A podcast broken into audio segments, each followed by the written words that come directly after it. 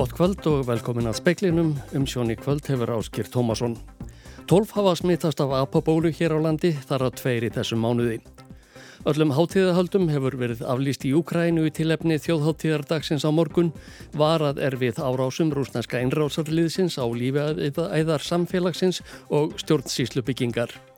Þau tæpu 100 kíló af kókaini sem fundust í vörusendingu í Hollandi voru á leiðinga til lands frá Brasilíu. Gæsluvarðhald hefur verið framlengt yfir þremur þeirra sem eru í haldi. Fó, fóðurprammin sem náðist upp af botni reyðarfjörðar í gær er að öllum lítkindum ónýtur. Gengi Evru, gagvart bandaríkjadólar, hefur lækkað um 15% á einu ári og ekki verið lægra í 20 ár. Raforkuverði í Suður Svíþjóð hækkar stöðugt og hefur aldrei verið hærra en nú. Verða á hverja kilóattstrundi hér á landi er um það byrja 20. hluti af því sem það kostar í Svíþjóð. Samkvæmt tilugum að nýri Hamarshöll í hverjargerði á þar að rúmast knattspyrnvöllur, fjölnóta íþróttagólf, fimmleika aðstafa og áhörvenda stúkur. Tólf hafa smitast af apabólu hérlendis en aðeins tveir greinst það sem afir ágúst. Sóttvarnarleiknir segir erfitt að segja til um hvort faraldurinn sé á nýðurleið. Allir sem hafa greinst með apabóluna hér á landi eru karlmenn á aldrinum 30 til 50 ára. Þeir hafa allir uh, geta verið í einangrun heima, eða heimahúsi, að og hérna ekki verið alvarlega veikir, þannig að það var ekki þetta nefn innlögn. Einangrun er frá tveimur til fjórum vikum eftir alvarleika útbrota. Alvarleg enginni sjúkdómsins eru sjálfgæf og faraldurinn hefur ekki verið mannskæður. Af þessum þúsundu manna sem hafa greinst að þá hafa bara verið nokkra innlagnir á gjörgjuslu en það hefur þó verið fleiri sjúgrásinnlagnir um, og síðan hafa verið fádauðsvöld. 40 hafa verið bólusettur hér á landi með bólöfni sem var fengið að láni frá Danmörku. Þá er einning nýlega komnir fleiri skamtar til landsins frá Evrópusambandinu sem verið er að afgreða. Þegar þeirri vinnu líkur verður hægt að bólusetja töluvert fleiri. Það mun vera alveg á næstunni og það eru um 1200 skamtar. Það átti að vera 1400 en um, gáðum eftir uh, eitthvað smá af því. Fyrsta apabólutilfellið greindist hér á landi í júni og hafa 12 smittast síðan þá. Guðrún segir erfitt að segja til um hvort faraldrun sé á niðurleið á heimsvísu. Sum lönd svona, eru, eru farin að sjá einhverju niður söfla en það er ekki alveg ljóst hvort það sé almennt á niðurleið. Þetta var Guðrún Aspelund, urður örlegstóttir tók saman. Rannsókn á innflutningi á tæplega 100 kílóum af kokaini miðar vel samkvæmt upplýsingum frá lögreglu. Efnin fundust í Hollandi fyrir þessum mánuði en þau voru í gámi á leið frá Brasilíu til Íslands með viðkomi í Hollandi. Efnin komuð því aldrei hingað til lands.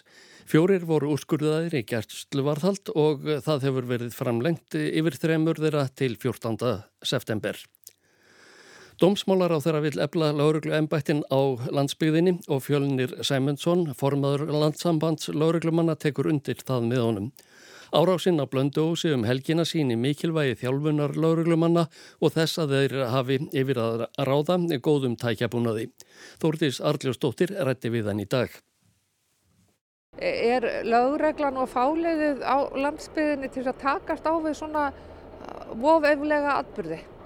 Já sko, ég hef nú sagt svona sem formaða landsafast lauruglumanna að, að þetta sínur okkur við þurfum allan að hafa mjög góða þjálfun á landsbyðinni nú hef ég ekki farið inn hérna mál sérstaklega eins og blöndósi en ég reikna með að þar hafi kannski verið ófaglærðir lauruglumenn eins og mjög við á landsbyðinni og það sínur okkur kannski að við þurfum þá að þjálfa þá líka því að þeir getur auðvitað þurft að takast á svona neyðar, neyðar ástand en það kom fram að lauruglan vopnaðist þarna sem hún gerir og, og hefur nú kannski bara verið fljóta því En ég hef viljað leggja áherslu á sko, þetta mál sínir þó ég vil eitthvað ekki tala um það og það er líka nýfa árás í miðbænum sömu helgi hvað sko þjálfun lauruglumanna er orðið mikilvæg og, og kannski tækjabúnaður. Segir Fjölnir Sæmundsson, nánar verður fjallaðum þetta síðar í speklinum. Sanna Marín, forsættis ráþara Finnlands, baðst í dag afsökunar á ljósmynd sem var tekin á heimilennar og byrt var í óþökk hennar og samfélagsmiðlum í morgun. Marín er ekki sjálf á myndinni, heldur er hún af vinkonum forsættis ráþarans að kissast. Töluvert hefur gustað um sönnu Marín, forsættis ráþara Finnlands undanfarið, síðast vegna myndbanda af henni á skemmtana lífinu sem leki var á netið og nú vegna mynda sem finskir fjölmilar byrtu af heimili hennar, einnig tengdri skemmtana lífir á ljósmyndinni sem fórsættisráþarann fann sig knúin til að byggast afsökunar á í dag má sjá tvær konur berar að ofan að kissast. Önnur þeirra heldur á skildi sem ástendur Finnland. Bakgrunnurinn á ljósmyndinni er sami bakgrunnur og notaður er á bladamannafundum ríkistjórnarinnar en grunur er um að sáhluti myndarinnar sé falsaður. Tuolla tilassa Mielestäni se kuva ei ole asiallinen, pyydän sitä anteeksi. Sanna Marín sagði myndina hafa verið tekna í enga samkvæmi í fórsættisráðherra bústanum. Konurnar tvær hafi tekið myndina inni á salerni áður en farið var í sánu. Ekkert ólöglegt hafi átt sér stað í verslunni en myndatakan hafi engu að síður verið óveðegandi á heimili fórsættisráðherra og á því baðst Sanna afsökunar. Andstæðingar Sönnu Marín hafa farið mikinn nýlega vegna myndbandana og ljósmyndarinnar og sökuðu hanna meðal annars um fíknefnanótkun. Sanna sannaði hins vegar í upphafi vikunar með neikvæðu fíknefnaprófi að ekkert væri til í þeim kæftasögum. Fórsættisráðarann og aðrir finskir stjórnmálamenn, bæði úr ríkistjórn og stjórnarandstöðu, segjast vonast til þess að enga lífsönnu verði brátt aftur að hennar enga máli og að finskir fjölmelar snúi sér að pólitíkinni á ný. Ólafurún Erlendsdóttir tók saman. Afar floknum aðgerðum við að ná e, fóðurpramma, lagsa, fiskeldis af botni reyðarfjörðari lauk í gær. Prammin er að öllum líkindum ónýtur en fyrirtækið er tryggt fyrir tjóninu. Fóðuprammin munin sökki sunnamörðum reyðafyrði í óveðri snemma í janúar 2021. Um helginu hófust aðgerðir við að lifta prammanum sem er 25 metra langur og 12 metra breyður af botni fjardarins. Þar lág hann á 40 metra dýpi með um 400 tonna fóðri innan bors. Prammanum var lift í gær uh, hann var stiltur af fyrir 20 síðan og svo var hann lift í gær og það gekk bara framar vonum og í framhaldi því var sagt dregin hér inn að höfni í reðafyrði. Segir Jens Garðar Helgason framkvæmdastjóri lagsa fiskaldis. Þetta var afar flókin aðgerð. Krani á stórum pramma var dregin með dráttarbát til landsins frá Noregi. Þá segir Jens fleiri báta hafa komið að þessu auk erlendra kafar á vegum köfuna þjónustunar sem eru sérhæðir í svona aðgerðum. Nú bara viljum við ná prammanum á flót, byrjum á að dælur honum fóðrinu og síðan verður honum fleitt hérna við höfnina og í framhaldi því verður síðan tekin ákvörðum það hvað verður gert við rauninni pramman sjálfan. Er hann ekki ónýtur? Jó, ég myndi nú halda að hann er minnskusti mjög illa farin þannig að ég myndi nú halda að það er bara gert þetta tryggingamál þannig að það er gert bara í, í samráði við, við, við tryggingamistöðina. Þetta var Jens Gardar Helgason, Ágúst Ólafsson talaði við hann. Tillögur hönnunarhóp sem nýja Hamarshöll í þróttahúsi hveragerði gera ráð fyrir að það rúmist knattbyrnumvöllur, fjölnóta íþróttagólf, fimmleika aðstafa og áhörvendastúkur. Hamarshöllin var, sem var fyrir var, var afsakið, Hamarshöllin sem fyrir var var uppblásin og fauki óveðri fyrr á þessu ári. Segja má að Hamarshöllin hafi sprungið í óveðri í februar með tilhennandi tjóni fyrir hveragerðisbæ. Meiru hluti okkar hveragerðis og framsóknarflokksins vildi hugsa til framtíðar við byggingu nýrar Hamarsallar. Nýhöll skildi byggð úr steipu og stáli. Hugmyndir hönnunarhópsins sem byrtar voru í dag gera ráðferðar að í nýju höllinni rúmist knattspyrnuvöllur, fjölnota íþróttagólf, fimmleika aðstafa og áhörvendastúkur fyrir 400 til 600 manns. Auk þess er gert ráð fyrir skrifstofu og fundarrými, aðstöðu fyrir kilvinga, áttahólu púttvelli og aðstöðu til styrtaþjálfunar. Einning verður að byggja tæknirými, skrifstofu og þjónusturými og geimslu fyrir búnað. Lagt er til að nýri höll verði skipt í íþrótahöll og síðan viðbyggingu með skrifstofum og móttöku. Þá geti knaspinuvöllurinn nýst til starri viðburða eins og tónleika. Lagt er til að verkið verði bóðið út í tveimur áfengum. Otur Þórðarsson sagði frá. Úkrænumenn fagnaði við á morgun að 31 ári liðið frá því að þeir aðluðust sjálfstæði frá Sovjetríkjónum. Öllum hátíðahaldum hefur þó verið aflýst þar sem talið er að rúsneska einrásarliðið noti tækifæri til árása ef fólk sapnast saman.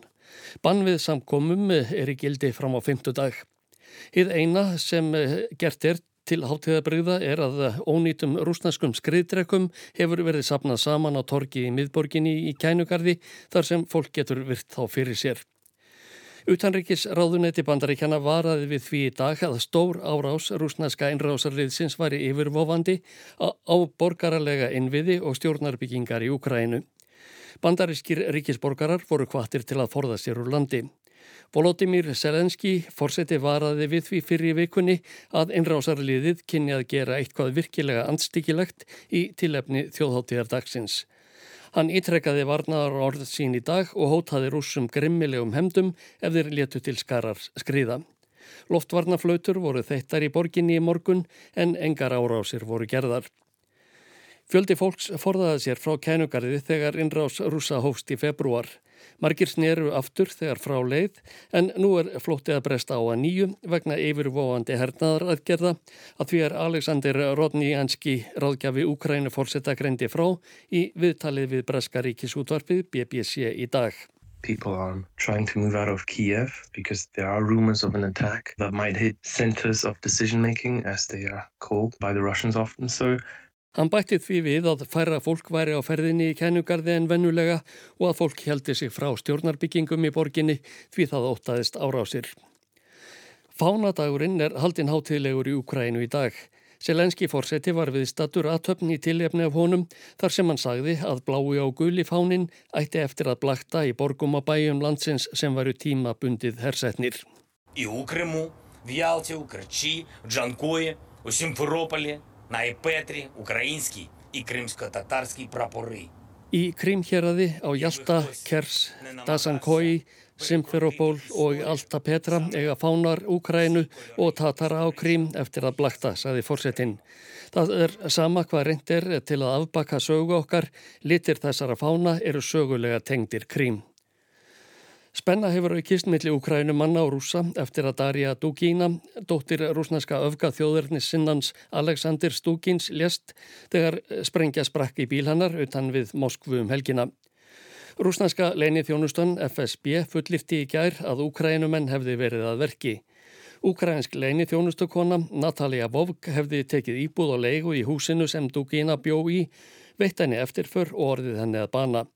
Að því loknum hefðum flúið til Evrópusambands ríkisins Eistlands. Stjórnvöldi kænugarði andmæla þessu og segjast ekki beita svo úreltum starfsháttum.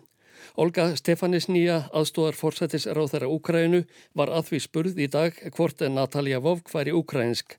Hún færðist undan við að svara en sagði aðeins að þessi manneskja inni ekki fyrir neina hernaðarlega eða borgaralega stopnun í Úgrænu. So far I can only confirm that, that this person does not belong to any formal military and non-military institutions in Ukraine. Saði Olga Stefanis Nýja í frettaþettinum News Hour hjá BBC í dag.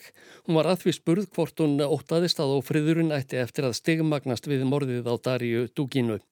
Hún taldi svo ekki vera.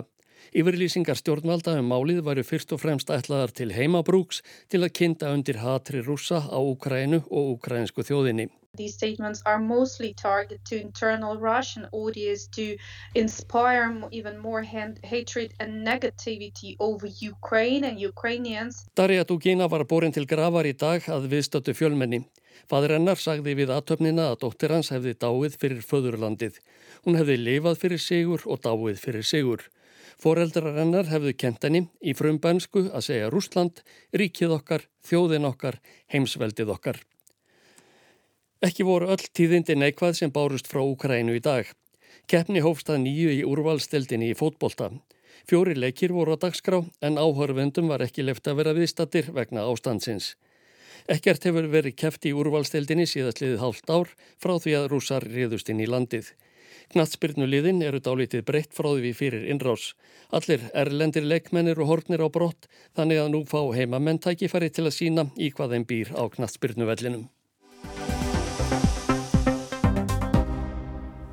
Lögreglan á Norðurlandi verst en allra frétta af gangi rannsóknar á skottárásinni á blöndu og sé á sunnudagsmorgun.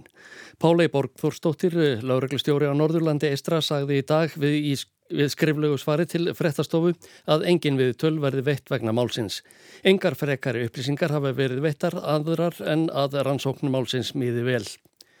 Jón Gunnarsson, dómsmálar á þeirra, segir að unnið sé í samvinnu þryggjaráðu neyta að betrum bótum á málefnum fanga og geðheilbriðist þjónustu. Dómsmála ráðanettið segir, segir hann að vinni að því að ebla lauruglu á landsbyðinni og um, fela ennbættum fleiri verkefni. Þórtís Arljósdóttir, frettamæður, rætti í dag við Jón Gunnarsson. Hvað eru stjórnvöld að gera í ljósi þessara atbyrða á blöndósi? Í sjálfu sér ótengt þessum hörmulega atbyrðu á blöndósi þar sem að samúð okkar likur með öllum þeim sem eigum sárt að binda samfélaginu og öðrum sem eigum sárt að binda eftir þetta mála þá eru stjórnvöld búin að vera í virku samtali um hvernig við getum meðhundla þessi mál uh, almennt í okkar samfélagi og margt gott hefur verið gert á undanförnum árum. Ég hef nefni til að mynda geð heilbriðist heimi sem er samvinnu verkefni fangilsmála yfirvalda og uh, heilbriðis yfirvalda sem hefur gjörbreytt allir í málsmeðferð eða samsagt læknismeðferð og meðferð á föngum sem eiga í erfileikum og uh, við erum að fara í mikla uppbyggingu núna uh, á fangilsinu á litla raunni til þess að bæta aðstöðu og þjónustu við fanga sem er í þeim efnum. En þetta er mjög uh, viðfemt og þetta kallar á virt samtal milli dómsmálaráðunitis, helbriðisráðunitis og félagsmálaráðunitis og það samtal er í gangi, hefur verið í gangi og það hafa litið dagsins ljós þingmál sem að þessu snúa og við hefum vonað þingmálum sem að þessu snúa á, á komandi vetur. En þetta er bara eðli, eðlumál samkvæmt eru þetta mjög viðkvæm mál sko, hversu langt er gengið á hverjum tíma og þetta er eitthvað sem við þurfum að skoða og reyna þá að vinna því takkri sátt í samfélaginu um úræði sem að að þessu snúa og ekki síst þurfum við að huga þetta að fyrirbyggjandi úræðum í þessum efnum. Láregla á fámennum sveðum til dæmis í, eins og í húnabögð, er hún í stakk búin til þess að takast á við svona hluti og kannski fyrirbyggjandi aðgerðir? Það er auðvitað alltaf spurning uh, hvenar láreglan er í stakk búin til að takast á við svona hörmulega atbyrðu þar sem að margt spilar inn í og í mannlegu samfélagi verður kannski aldrei komið í veg fyrir allavóða atbyrði en almennt séð óháð þessu máli að þá er laurugla út um land uh, þarf hún að vera öflugri til að geta brugðist við málum þar sem að til að mynda vopn og alvarlegri atbyrðir eiga sér stað. Þá líka við bara um stórslis og slíkt. Þess vegna höfum við verið með það alveg til sérstakra skoðunar í ráðinetunni í vetur og í sumar hvernig við getum held lauruglu liðin út á landi ymmið til þess að þau séu betur í stakk búin til að takast á við alvarlega atbyrði og það gerist ekki nema við færum samhliða verkefni, önnur verkefni út á land. Og þetta hefur komið fram hjá mér ítrekkað að þetta er einn af þeim þáttum sem ég er að vinnað breytingum á, ebla laurugliðið út um land, ebla þjónustuna, þetta á líka við síslumasembættin og domstólana, að fjölga starfsmönnum en þá þurfa líka verkefnin að fylgja. Þannig að, þannig að þetta fólk hafi þá önnur störn til að sinna í dagstæðilegu starfi. Þetta er mjög mikilvægt að við horfum til og við þurfum auðvitað líka að horfa mjög til þess sem við erum að gera í ráðunitinu að auka á öryggi lauruglumanna. Við erum að fá hér tölur og staðrendur upp á borðið um aukin vopnaböð, sérstaklega eggvopn og slíkt. Nú til þess að lauruglan sé síðan í stakkbúin til að trista og gæta öryggi borgarina þá þarf hún að vera öryggismál hennar að vera í lægi og það er til sérstakra skoðunar í ráðunitinu líka og ég mun grípa til einhverjar ástafana til þess í vetur. Áttu að tala um frekari vopnaburð lauruglu? Það verður bara komið ljós til hvað úrraða við grípum en þetta er til skoðunar mm. og uh, það er grundvallaratriði að treysta öryggi lauruglumanna, treysta getu þeirra til að geta brúðist við þessari þróun, gripið inn í uh, og, og hérna til þess að treysta til að geta treysta öryggi borgarana og við erum ekki að horfa bara á á einhver einstök máli þeim efnum. Við sjáum mjög alvarlega þróunum verið eiga sér staði skipulari brotastarfsum í landinu. Við þessu verður að bregðast samhliða. Bissuleifi eru gefin út uh, og gilda fyrir lífstíð. Bissuegn er mikil, það eru skráð 77.000 skotvopn í landinu að voru um síðust áramót. Er eitthvað hægt að breyta þessu kerfi einhvern veginn þannig að það sé kannski meira utanumhald almennt utanumhald? Almennt um skotvopnulöggefana vil ég segja bara að hún er talin vera mjög góð okkar skotvopnulöggef en ekki er, er svo gott að það með ekki bæta og þess vegna hefur það komið ítrekka fram hjá mér að ég sett í gang vinnu við breytingar á skotvopnulöggefinni síðastliðin vettur svo vinna er í gangi og það mun frumvarp í þeim efnu koma fram núna í höst.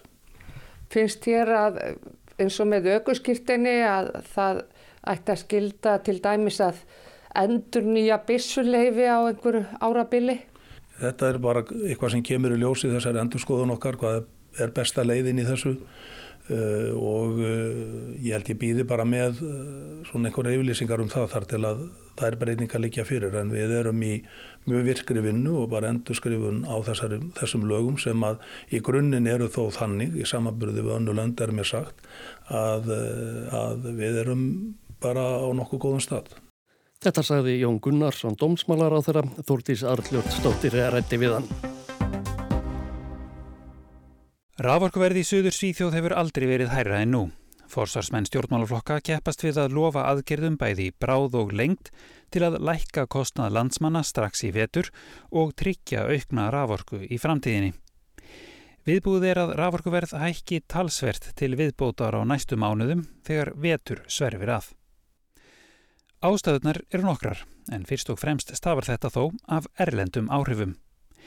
Verð á gasi er mjög hátt í Evrópu og sunnan eistarsaltsins er gas notað til að framleiða ramagn sem þess vegna er líka mjög dýrt. Rávorkuverði Svíþjóð er svo tengt rávorkuverði í Evrópusambandinu þannig að hærra gasverð á meginlandinu leiðir til hærra rávorkuverðs í Svíþjóð. Frá Svíþjóð er líka mikið ramagn flutt út Svíjar flytja út mest allra landa í Evrópusambandinu. Ef gas verður áfram dýrt eða hækkar enn í verði, þá getur ramagnir í Svíþjóð orðið mjög dýrt í vetur. Mycket beror på vad som händer med gaspriserna framöver. Blir det en riktig, riktig energikris i Europa så kan vi få mycket höga priser eftersom vi har en tät koppling dit sagði Jóhann Sigvardsson, sérfræðingur hjá rávorkufyrirtækinu Bixja við sænska ríkisútvarpið. Verðið geti farið upp í jafnverði 150 íslenskra króna kilowatt-tímin. Á Íslandi er verð til heimila um 8 krónur íslenskar, 1,20 um það bil. Miklar verðhækkanir sjást greinilega í heimilisbókaldi sænskra heimila, en það hefur ramagsverði í söður Svíþjóð tvöfaldast á síðustu tveimur árum. Rafmagn fyrir uppþóttavélina kostar nú ríflega 800 krónur á mánuði og að fara í sturtu er ekki beint ókipis. Ramagn fyrir slíkan luxus kostar jafnfyrði 2300 íslenskra króna á mánuði samkvæmt útreikningum sænska ríkisjónarpsins. Viðbúið er að þetta verði svo allt miklu dýrara þegar vetrar. Raforka verði jafnvel tvöfalt dýrari en síðasta vetur sem þó var met ár.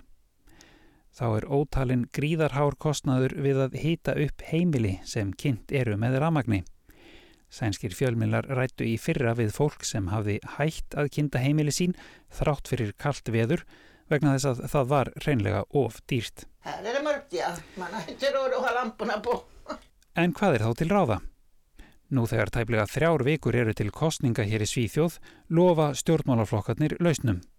Þeir vilja lækka skatta á raðmagn afnema flutningsgjald, niðurgreiða raforkum eða láta ríkið greiða nær allan kostnað við framkvæmdir sem getur minkað ramagsnótkun, til dæmis með því að bæta einangrun húsa. Eða aðskilja raforkumarkaðin í Svíþjóð frá útflutningsmarkaði svo að raforkuverð hér sé ekki háð sveiplum erlendis. En svo er alls óvíst hver þessara áforma eru framkvæmanleg. Fyrir það fyrsta þurfa forsvarsmenn flokkana auðvitað að koma sér saman um málamiðlanir eftir kostningar, eitthvað sem meiri hluti verður fyrir á sænska þinginu. En svo er Svíþjóður líka í Evrópusambandinu og tilögur um niðurgreðslur eða takmarkanir á útflutningi. Það er ekki víst að slíkar aðgerðir samræmist lögum og reglum sambandsins. Þetta á til dæmis við um tillugu núverandi ríkistjórnar jafnaðarmannarflokksins um að nota arð af rekstri dreifikerfisins til að greiða niður háan raforkukostnað landsmanna. Sérfræðingar sem Svenska Dagbladet hefur rætt við segja að samkvæmt ESB megi slíkar niðurgreistur aðeins fara til fólks sem eigi í vandræðum með að greiða ramagsreininga en ekki auðugra heimila sem til dæmis noti ramagn til að hýta upp sundlög utandýra. Til lengri tíma vilja sænskýr stjórnmálaflokkar svo auka vindorku og aðra endur nýjarlega raforku framlegslu, styrkja treyfikerfið og sömur hverjir auka á ný rafmagsframleyslu með kjarnorkuvinnslu. Allt er þetta þó svo kölluð framtíðarmúsík og í vetur má gera ráð fyrir að raforka verði áfram rán dýr. Margir er því þegarfarnir að búa sig undir að hita húsín með öðrum hætti í vetur. Anders Larsson sem selur eldi við næri Halmstad hér á vesturströnd Svíþjóðar hefur aldrei haft jafn mikið að gera. Det har blivit en enorm efterfrågan nu. Folk hamstrar helt enkelt skulle jag vilja säga. Eh, jag har 90-100 samtal om dagen. Andersson segir að yfirleitt komi kúnarnir fyrst þegar farið sé að kólna í veðri. En nú, meðan enn er sumar, hefur hann þegar selt þriðjung af öllum eldi við sem til er. Hann segist fá upp í hundrað símtöl á dag. Fólk sé greinilega farið að hamstra.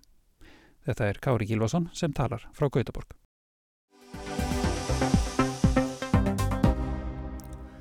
Gengi Evru hefur ekki verið lagrakakvart bandaríkjadal í 20 ár. Gengið hefur lækkað um 15% á einu ári og í gær fór verðgildi Evrunar undir eitt bandaríkjadal. Hagfræðingur segir orkukreppuna í Evrópu hafa sitt að segja en gengishrunið endur spekli líka vandamál þess að halda úti sameiginleiri peningastefnu í löndum með gjör ólíka ríkisfjármálastefnu. Fyrir ári síðan fengust um 1,17 dólarar fyrir hverja Evru á markaði. Í dag er gengið jæmt. Konráð Guðjónsson, aðalhagfræðingu stefnis, segir að orkukreppan í Evrópu og verðbolgan sem henni fylgir hafi sitt að segja. En trægða Evróska Sæðlabankans til að hækka stýrivexti gerir það einnig. Stýrivextir á Evrusvæðinu eru 0,5%. Þeir voru hækkaðir í síðasta mánuði eftir að hafa verið neikvæðir um margra ára skeið. Í bandaríkjónum eru vextirnir um 2,5% og Íslandi 4,75%. Þegar vextir hækka allstæðar í löndunum í kring og í bandaríkjónum þá hefur fjármagnin einfallega bara leitað í auknum mæli þanga sem vextin eru hærri og, og, og það byrtist í veikari efru. En hvað skýrir þessa træðu? Það er kannski meðal annars vegna þess að, að atvinnusteg hefur tekið hægar við sér þar heldur til dæmis í bandaríkunum. Vinnumarkaðin í bandaríkunum er bara í eðlísinum sveigjanlegri, hann er miklu trægbreytanlegri virðist vera inn á efrisvæðinni af ímsum ástæðum og, og út af því að þetta hérna, veik, svona óttir í það að hagvöstu drægi úr hagvösti sem á efrisvæðinni er meiri en í bandaríkunum hjá mörgum að að það virðið svona hafa svolítið knúið seglabanka þar í að vera vextina áfram við nulli. Stýrivextir í Evrópu höfðu verið neikvæðir eða við nullið allt frá árinu 2008 og þar til seglabankin hækkaði vexti í síðasta mánuði. Það var fyrsta stýrivextahækkunin á Evrusvæðinu í 11 ár. Konráð segir að þegar markaðir hafi búið við lága vexti um svo langa hríð geti það gert seglabankunum erfitt fyrir að breyta um kurs. Evran er sameigilegur gjaldmiðil 19 Európusambandsríkja og bráðum bætist í 20. stæði hópin. Öll hafa þau eigin ríkisfjármálastefnu sem Sæðlabankin þarf að taka tillit til við mótun peningastefnunar. Það auðveldar ekki verkið. Þetta er meðal þess sem hefur verið nefnt sem orsök Evrukreppunar fyrir um áratug. Þau vandamáli eru að mörguleiti ennþá til staðar hvað þetta er svona áhrif hagsöflunar á ríki Evrusvæðisins og staða þeir er gríðarlega mísjöfn og það er ekki, þú veist, út með ríkisfjármálastefnu einhverja sko, margar margar að landa en, en raun og verið bara eina peningastefnu og það verður alltaf og meðan það kerfi er þannig þá verður alltaf ákveðin tókstrið. Euróski Sæðlabankin hefur sætt nokkur í gaggrinni fyrir að breyðast ekki við með afgerandi hætti og búistur við að hann hækki vexti innan tíðar. Konráð telur aðeins spurningum hvenar og þá hversu mikið. Veiking Evrunar hefur í för með sér afleðingar sem íslenski neytendur þekkja vel. Kaupmáttur mingar og innflutt vara verður dýrari en á móti gagnast hún útflutningsgreinum sem fá fleiri efrur fyrir vörur seldar út í heimi. Áhrifin eru þó takmarkaðari en á Íslandi, að sög Konráðs, vegna þess hver stór hluti utanríkisviðskipta er milli efruríkja. Efrusvæði er náttúrulega það stórt að það er mikil innbyrðis viðskipti og þá fjölþægt hagkerfi að, að áhrifin verða aldrei mikil eins og í svona einhæfu hagkerfi svo Íslandi þar sem að við flyturum að flytja inn svo rosalega mikið utanfrá. Það er ekki, innflutningur og útflutningur er ekki svona, skiptir svona hlutáslega ekki eins miklu máli almennt í Evruríkinu með þessu hér en, en aftur það er mjög misjátt meðli ríki og þá kemur aftur á þennan svona vanda sem Sælabankin er í að ætla hann að horfa á meðaltalið ætla hann að fara eftir því hvar staðan er, í hvaða ríki staðan er verst og, og, og hvar hérna svona þarf sísta að hækka vexti og þetta er já, hefur verið vandamál með Evrusvæðið hinga til og verist vera það ennþá í dag. Þetta var Konráð Guðjónsson. Fleira er ekki í speklinum, verðið sæl.